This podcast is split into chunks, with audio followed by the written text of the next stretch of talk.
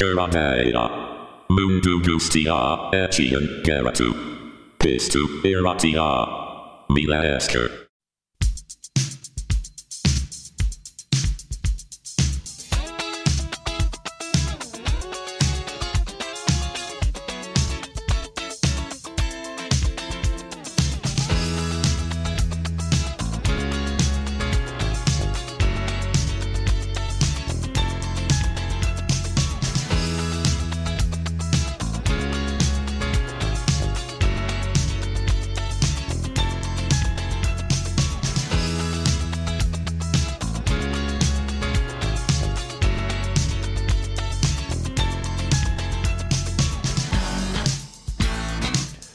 Kaixo guztioi, ze modu zaudeten? Ondo espero dut, kera deia entzuten ari zarete, zuen irratsaio gogokoena. Beti bezala musikari buruz hitz egingo dugu, beraz, besterik gabe, has gaitezen.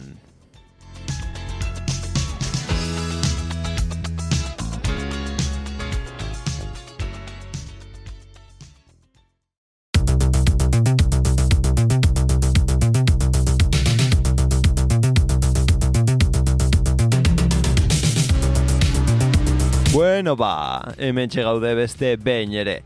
Gaurkoan igarriko zenioten synthwave musika izango dugula berriz, gaur eta bihar. Gaur konkretuki estatu batuetara bidaiatuko dugu, Texasera. Garrett Heisen Laser Hawk proiektua ezagutuko dugu bere ibilbidea errepasatzeko. Garrett eh, Rosso Corsa Records zigiluaren sortzaileetako bat dugu eta Laser Hawk synthwave musikan artista garrantzitsuenetako bat. Lau disko kaleratu zituen, 2000 eta amarretik amazazpira bitartean, eta, bueno, ah, bi single, bi single ere bai. Azken hauek ez ditugu entzungo gaurkoan, baina bai bere albumak.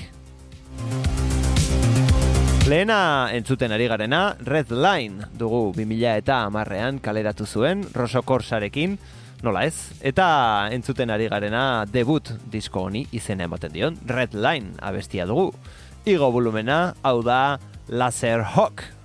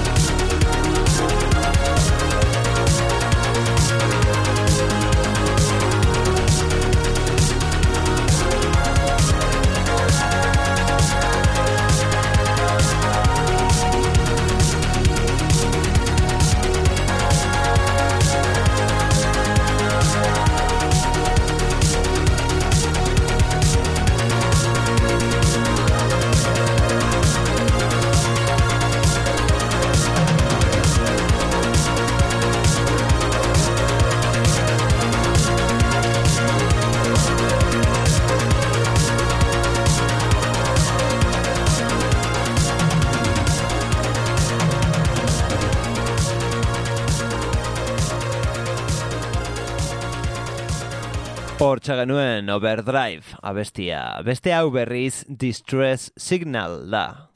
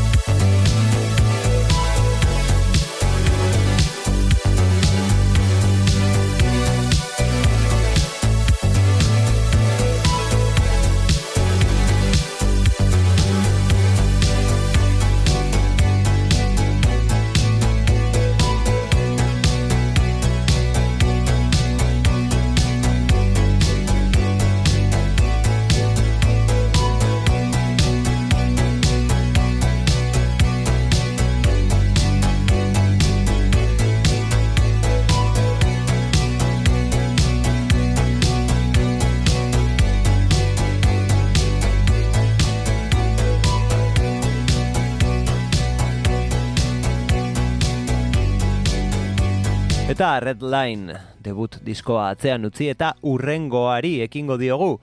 2000 eta amabian Laserhawkek bere bigarren lana atera zuen, Visitors. Bertan aurkituko dugu Laserhawk Them abestia. Honela dio.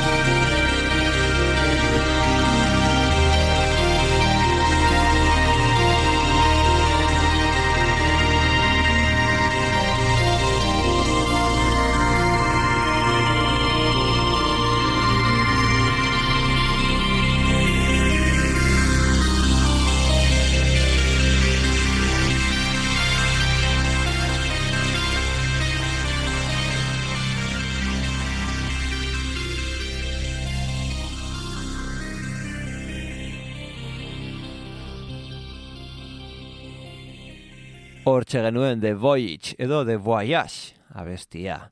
Beste hau berriz Disco Planet dugu.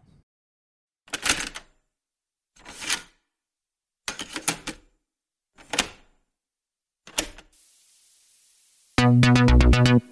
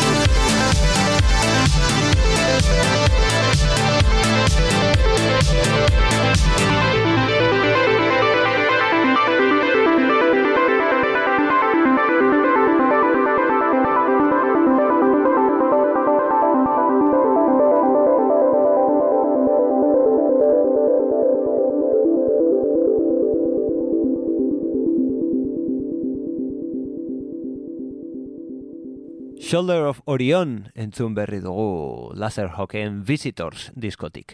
Urrengoa ere lan honetan aurki daiteke, hau da Beyond the Infinite Void. Honela dio.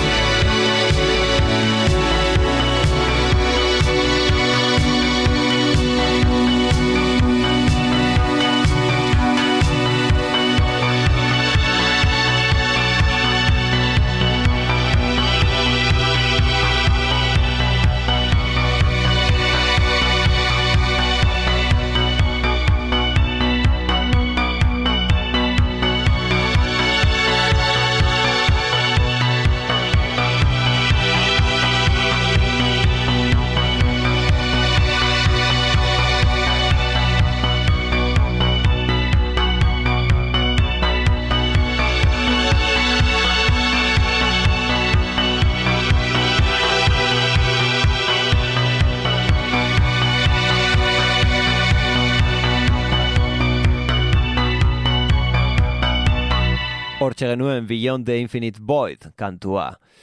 Synthwave musika larogeiko amarkadako pelikuletako gaietan dago oinarrituta beste gauzen artean. Esan daiteke estatu batuetako amarkada hartako pop kultura dela estilo honen muina, ezta? zientzia fikzioa eta futurismoa oso modan zeuden, eta laser hoken visitors izenburuak estralurtarren eta espaziuntzien tematikari egiten dio erreferentzia. Portadan, objektu egalari batek pertsona bat abduzitzen du, eta aurrengo kantua honekin dago lotuta ere, hau da Arrival.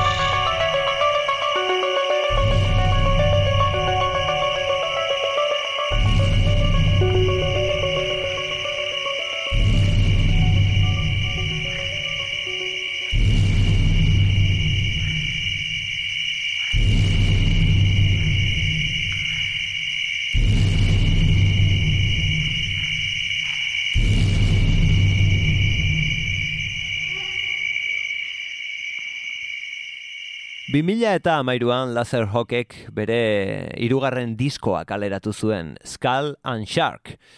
Askoz harmonia e, ilunagoak aurkituko ditugu bertan.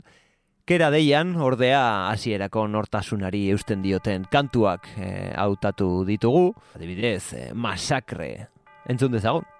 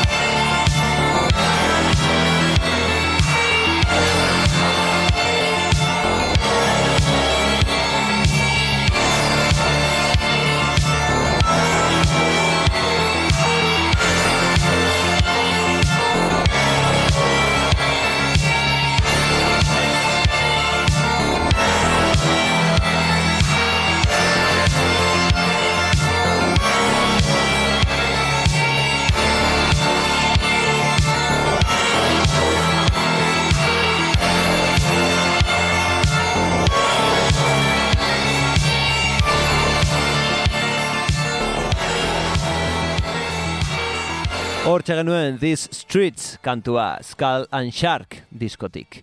Eta konturatu gabe pasa zaigu ordu bete eta saioa agurtu beharrean gaude.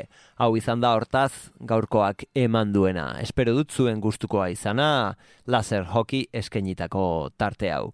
Nire partetik Dream Rider bere azken diskoko hipnik abestiarekin utziko zaituztet. Bihar berriz egongo gara hemen kontu berriekin, hemen espero zaituztegu. Ordura arte ondo segi, txintxo portatu, edo ez, hori zuek ikusi eta gogoratu. Entzun kera deia, entzun, naiz, irratia.